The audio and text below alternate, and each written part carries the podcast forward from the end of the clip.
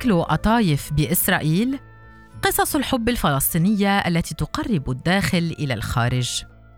ميساء منصور. تندرج هذه المادة ضمن ملف 75 عاماً من النكبة الحلم وسط المأساة. لم يكن قرار علاقتي بزوجي كريم قرارا يتعلق بالحيز الجغرافي الذي ينتمي إليه كل واحد منا ولا خيارا مسبقا بالزواج خارج مجتمعي. بل على العكس تماما من ذلك.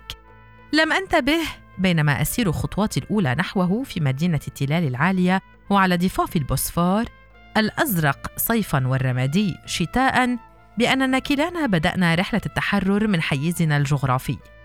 هو من غزة وأنا من الداخل الفلسطيني المحتل باحثين عن حيز آمن يستطيع تحمل اختلاف ألوان جوازات السفر والأرض الواحدة. تزوجنا في اسطنبول عام 2021 حين كان العالم منشغلا بكورونا وما سيحصل لاحقا للبشرية. كنا في قاعة صغيرة بمنطقة شششلي نحتفل برفقة مجموعة صغيرة من الأصدقاء الفلسطينيين المهاجرين مثلنا الباحثين عن الطريق الأقرب للحرية والعمل والهجرة لاحقاً إلى أماكن أكثر أماناً. وعلى أنغام فرقة سول باند الفلسطينية نحيي مراسم زواجنا الذي سيفتح الباب لسؤال العلاقات مدى إمكانيتها وتحقيقها على أرض الواقع لرجل خارج من غزة وامرأة تحمل جواز السفر الإسرائيلي بعد عشرين عاما من الفصل بين المنطقتين حتى كادت إحداهما أن تنفصل حقا عن الأخرى. خلال هذا التقرير سأقوم بتسليط الضوء على نساء قررن خوض هذه التجربة رغم صعوبتها. اعتراض المجتمع المحلي في كثير من الأحيان ورفض السلطات في غزة والداخل المحتل لعلاقات تفتح باب الأسئلة على الحياة الاجتماعية والسياسية لكلا المنطقتين الجغرافيتين.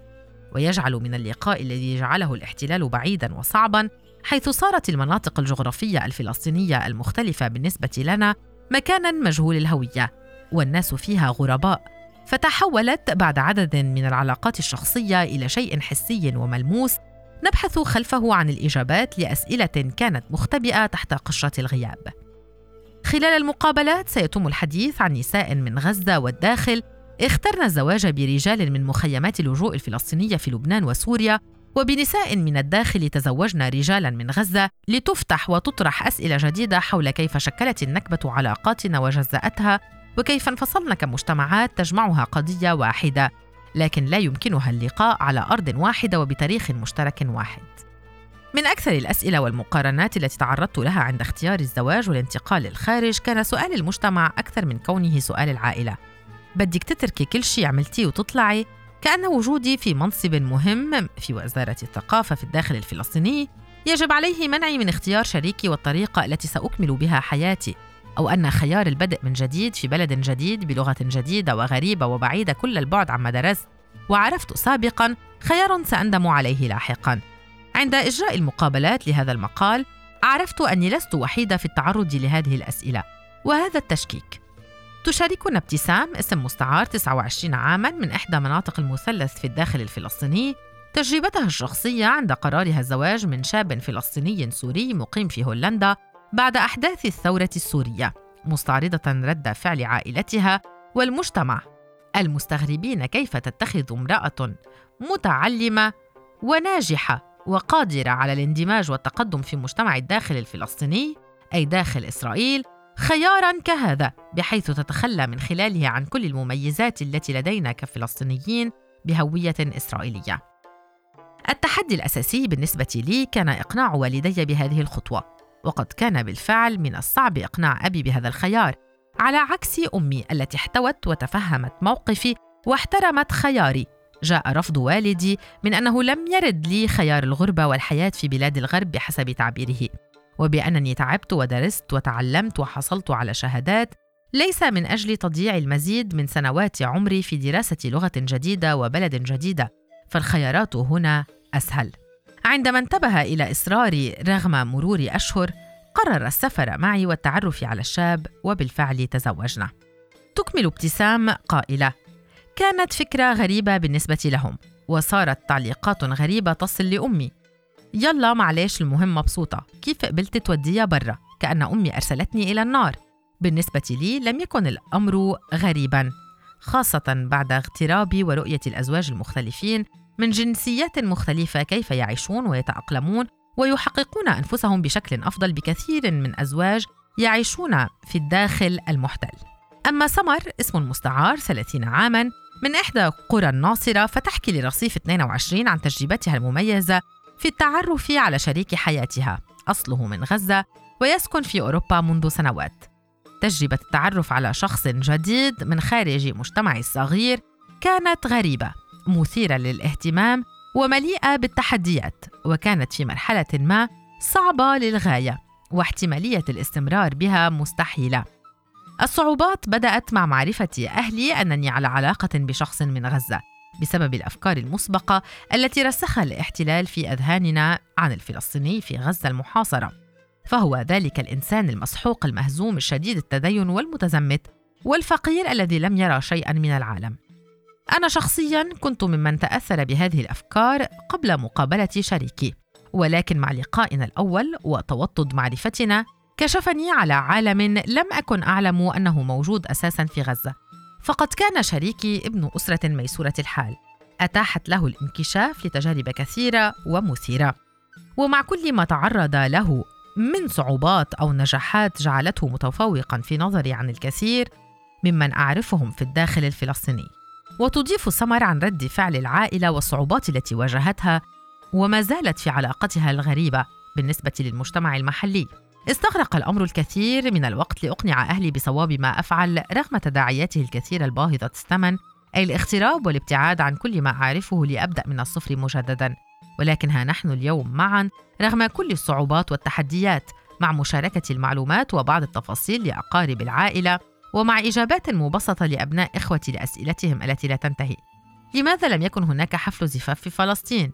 لما لم نرى زوجك وجها لوجه حتى الآن؟ متى ستأتين للزيارة وهل سيأتي زوجك معك؟ وتتابع قبل يومين تفاجأت من ابنة أختي ذات الثمانية أعوام حين قالت لي جوزك بينفعش بيجي لأنه فيش معه جنسية شو يعني جنسية؟ ليش ابن صفي بيقول إنه نحن ساكنين بفلسطين وأنت بتقولي إنه نحن معنا جواز سفر وهوية إسرائيلية؟ حاولت تبسيط المعلومات لها قدر استطاعتي وبقدر صعوبة هذه المهمة بقدر فرحي لسماع هذه الأسئلة من هذه الطفلة الصغيرة أما سارة صبيح من قطاع غزة 28 عاماً التي تزوجت محمود شاب فلسطيني من مخيمات لبنان الفلسطينية فتشارك الصعوبات التي واجهتها قائلة لم أواجه مشاكل حقيقية مع والدي وعائلتي الصغيرة لكن بحكم مجتمع غزة المتقارب جدا فإن الأعمام والأخوال يتدخلون أيضا في القرارات الشخصية. فكان عمي الكبير من المعارضين بشدة بحيث كان يحمل تنميطا وصورة مسبقة عن الفلسطيني في الشتات بأنه لا يشبه الفلسطيني في غزة أو الضفة وبأننا فلسطينيون أكثر منهم. وتتابع يعود هذا بالتأكيد للفصل التام بين المجتمعين ولعدم معرفة الآخر مطلقا من ناحية أخرى ورغم التأييد الشعبي والإعلامي الذي حظينا به أنا ومحمود لزواجنا إلا أن بعض المقربين كانوا يتهامسون من الخلف بأننا نتهور وهكذا زواج عليه ألا يتم لأن العائلات لا تعرف الواحدة الأخرى. التربية مختلفة والعادات والتقاليد مختلفة. لكن هذا بالتأكيد لم يؤثر على قرارنا. وتقول سلوى اسم مستعار 22 عاما من إحدى قرى الشمال الفلسطيني عن قرارها في الزواج من شاب غزي يعيش رفقة عائلته في مدينة اسطنبول منذ سنوات والصعوبات التي واجهتها لأجل إقناع عائلتها بقرارها. كانت مشكلتي الأساسية عند إعلان ارتباطي بشاب من غزة هو إقناع والدي بأن هذه العلاقة لن تشكل خطرا علي ولن تضعني تحت مساءلة أمنية لأنني من الأصل. يوجد لدي ملف أمني باسمي في البلاد فبالنسبة لوالدي كان الموضوع مرفوضا بشكل شبه تام. وتضيف على مستوى التحديات الأمنية والد زوجي إلى حد معين كان مرتبطا بحركة حماس وبالنسبة لهم كان كل شيء يضعهم تحت التهديد الأمني. إن كان أنا وملفي الأمني وإن كان والدي المحامي الذي كبرت لديه تخوفات من أن شيئا من هذا النوع سيمنعه من مزاولة المهنة وخاصة أن النقطة الأمنية في مؤسسات الاحتلال الإسرائيلي حين توضع توضع على العائلة كلها وليس على شخص بمعزل عن عائلته فكان الرفض امنيا أكثر من كونه انسانيا. وتتابع من ناحية أخرى كان لديهم عدم تقبل لفكرة أن أتزوج وأعيش بعيدا عنهم. كانوا يفضلون من أن يكون زواجي قريبا منهم بحيث لا تكون الزيارة متعبة إلى هذه الدرجة وتحتاج سفرا. لكني هنا رغم رفض الأهل والبعض من البيئة المقربة إلا أني تعاملت معهم بطريقة فجة. هذا هو الرجل الذي اخترته وهذا الرجل الذي أحبه وسوف أتزوجه وأنا لا أجد أي خطأ في اختياري وأفضل رضاكم على الموضوع من عدمه. ولكن إذا اخترتم عدم الرضا فإنكم ستجبرونني على اختيار طرق قاسية بسبب الصرامة التي اتخذتها في موقفي. بدأ والداي يلينان وبدأا يسمعان رأيي ويحترمان اختياري حتى وصلت الأمور إلى التقبل والزواج. هنا قام أبي بفرض رأيه الإيجابي على أعمامي وعائلتي الكبرى وتزوجنا. بحكم انفصال المناطق الجغرافية الفلسطينية عن بعضها فإن هناك تفاصيل صغيرة في الحياة الاجتماعية والمشاركات العاطفية والانتماءات السياسية والنقاشات داخل المجتمع نفسه تختلف من منطقة إلى أخرى. وبالتأكيد يظهر هذا الاختلاف عند الدخول في علاقة عاطفية من منطقتين مختلفتين. يحصل هذا الانكشاف على الآخر والصعوبات التي تواجه الأفراد في تقبل واحتواء شريكهم وخلفيته كاملة. تقول سمر في هذه الجزئية علاقتي الشخصية مع المجتمعات الفلسطينية لم تكن سيئة. فقد انخرطت خلال سنوات سابقة في أطر مختلفة كانت تهدف لردم شرخ البناء في المجتمع الفلسطيني. لكنها لم تشمل أبناء غزة المحاصرة لكنني لا أستطيع وصفها بأنها علاقات وطيدة أو عميقة. مع تعرفي على شريكي انكشفت أكثر وبصورة أعمق على النكبة وتبعاتها على الإنسان الفلسطيني. كأن العالم لا يراك فأنت مولود دون أوراق رسمية كونك لاجئا في إحدى الدول العربية. وتتابع الانتفاضة الأولى ومن بعدها اتفاقية أوسلو وما تلاها من أحداث بعدها. الانتفاضة الثانية إخلاء المستوطنات في غزة الاعتداءات الغشيمة على القطاع وحصاره وكيف يتعامل سكان غزة مع كل ما يتعرضون له انكشافي على الفلسطيني الآخر الذي لم أره سابقا إلا كما أرادني الاحتلال أن أراه. أضافت لي الكثير حتى في المضامين التي نراها بسيطة كالمطبخ.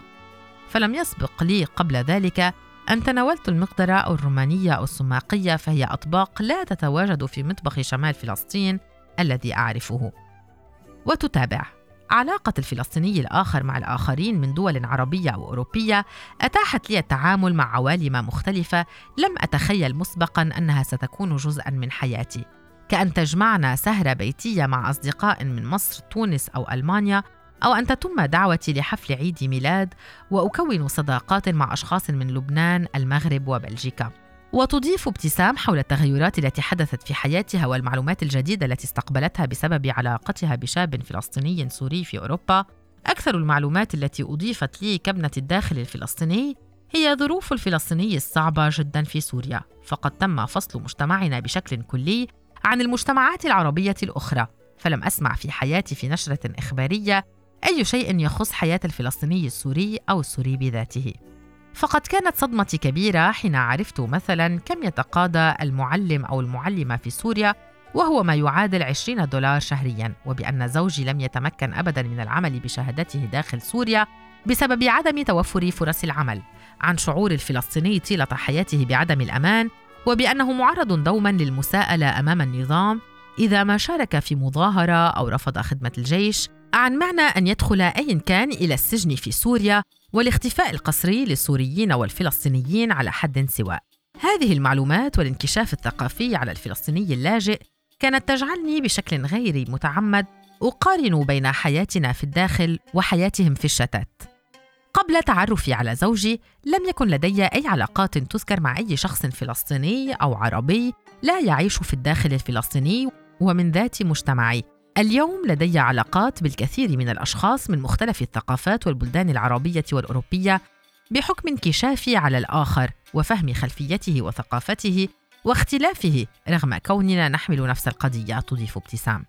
وتقول سارة عن اختلاف حياتها بعد الزواج بفلسطيني من مخيمات لبنان أكثر ما تأثر هي علاقاتي الشخصية فأنا أشعر تجاه زوجي وأصدقائي هنا في بيروت بأنهم كان الممكن أن يكونوا أصدقائي منذ عشر سنوات وأكثر لكن فرقت بيننا الحدود واللجوء وفي ذات الوقت بسبب النكبة والتهجير حين يتحدثون عن مصاعب ومشاكل مروا بها في طفولتهم أشعر بالاغتراب عنهم فرغم وجود مشاكل الخاصة في قطاع غازة وتحت الحصار إلا أنها مختلفة تماما عن مشاكل المجتمع الفلسطيني في الشتات. وتضيف هناك فجوة كبيرة بين نظرتي للأمور والحياة ونظرتهم. العنصرية التي يتعرضون لها في بلد ليست بلدهم ومضطرون على البقاء فيها لأنهم لا يملكون رفاهية وجود جواز السفر والتنقل بحرية بسبب وجود الاحتلال بالتأكيد. ثم تتابع من أكثر الأشياء المهمة التي أضيفت لي هي المعرفة التاريخية العميقة والقريبة من الأحداث التي مر بها اللاجئون في لبنان من حرب المخيمات صبرة وشتيلة للزعتر حتى الحرب الأهلية ووضع الفلسطينيين فيها. هناك نوع من التعتيم في المناهج الدراسية الفلسطينية عن حقيقة هذه الأحداث، ويتم المرور عليها مرور الكرام دون التطرق للوجع الحقيقي الذي مر به الفلسطيني اللاجئ في لبنان. وتختم حديثها: لقد كنت قبل ارتباطي بزوجي شخص أعمى، لا يعرف أي شيء عن القضية الكبرى سوى ما يخص غزة وحصارها وحكومة حماس عندما جئت للبنان تغيرت نظرتي كليا وتوسعت مداركي حول تاريخنا المهم في الشتات. أما سلوى فتشرح عن كيف تأثرت علاقتها بشكل مباشر من خلال الأفكار المسبقة والتنميط المسبق لكل منطقة جغرافية عن الأخرى. تأثرت علاقتي بزوجي بالتأكيد من خلال سياق اختلاف أماكن نشأتنا فنظرتي للعلاقات كانت تختلف عن نظرته. فأنا أعتقد أني لو تعرفت على شخص من الداخل لما كنت شعرت بالغيرة مثلا من سياقات معينة في علاقتنا لأنني أفهم طبيعة المجتمع والسياقات المختلفة للعلاقات بيننا كرجال ونساء وهو ينطبق عليه ذات الأمر وذلك يعود بطبيعة الحال إلى أني قادمة من بيئة متحررة أكثر من بيئته فكان هذا النوع من الرقابة على تصرفاتنا بدون قصد. وتكمل بشكل تفصيلي أكثر حول المجتمع الأكبر والعائلة. ربما أكثر الأشياء التي أضيفت لي بسبب علاقتي مع الفلسطيني الآخر كانت النظرة الأوسع للحالة الفلسطينية وخبرات لا تتعلق بالمكان الجغرافي القادمين منه بل تتعلق بكونه أكبر مني وقد قطع شوطا أكبر في المجالات التي تعنينا. وأكثر شيء أضاف لي هو فكرة المعاناة اليومية لأهل غزة. اكتشفت وجها آخر للحياة داخل غزة. لم أكن أستطيع رؤيته عندما كنت أعيش بالداخل بسبب نقص المعلومات وبسبب عدم الاختلاط والمعايشة للواقع. وتتابع كما أن هناك تعميمات مجردة بشكل كبير واجهتها حين واجهت أهلي أيضا بارتباطي بأن والدي كان لديه فكرة بأن جميع أهل غزة يولدون وهم يحملون الأسلحة وليس ثمة أي واحد فيهم يفكر بطريقة مغايرة عما نراه في التلفاز. هذا التعميم يقتل الفكرة الحقيقية بأن أهالي غزة بشر يحلمون بالحرية.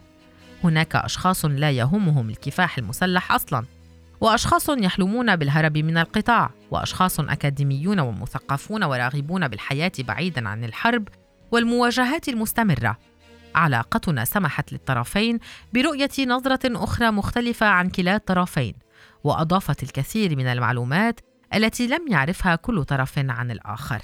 أما عن التنميط المسبق لكلا المنطقتين وعاداتهم وتقاليدهم وتسمية الأشياء بمسميات مختلفة فتقول من الأمور الأخرى التي واجهتها اختلاف العادات التي تكون مصاحبة لكم كبير من التنميط والأفكار المسبقة مثل أن تسألك أمه فجأة عندكم بإسرائيل بتعملوا قطايف ويكون جوابي بأني لا أسميها إسرائيل بل فلسطين. ونعم بنعمل قطايف وذات الأمر حين كانت جدتي تشرح لعائلته عن عاداتنا التي لا تختلف كثيرا عن عاداتهم أصلا. وعلى مستوى الحياة الشخصية والانفتاح فإن التنميط يكون دائما لدينا بأن شخصا قادما من غزة يكون منغلقا بشكل كبير وشخصا قادما من الداخل يكون منفتحا بشكل كبير. ولكن هذا الأمر لم يكن صحيحا. فقد وجدنا أنفسنا كلينا في منطقة متقاربة ومتوسطة ومتشابهة بحيث لا يصادر أي منا حرية الآخر.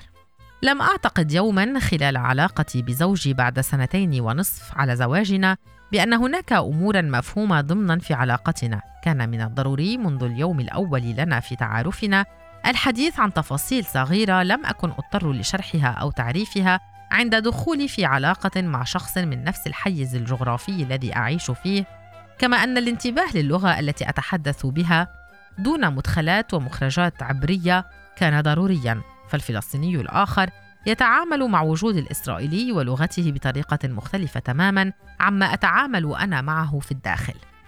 الخطوط والحدود وطريقة التعامل والطموحات والمستقبل كانت مفصلة أكثر بكثير من أي علاقة أخرى دخلتها في حياتي وهذا ما جعلها دون أن أشعر أكثر سلاسة وحب وتقبل واحتواء. تقول سلوى في هذا الصدد أيضا حتى الآن بعد مرور فترة على زواجنا وفترة أكبر على علاقتنا ما زلنا نحاول مقاربة تجاربنا وفهم الواحد للآخر. نتجادل ونتناقش ونجد حلولا تناسب الطرفين بهدوء وتفاهم وألفة.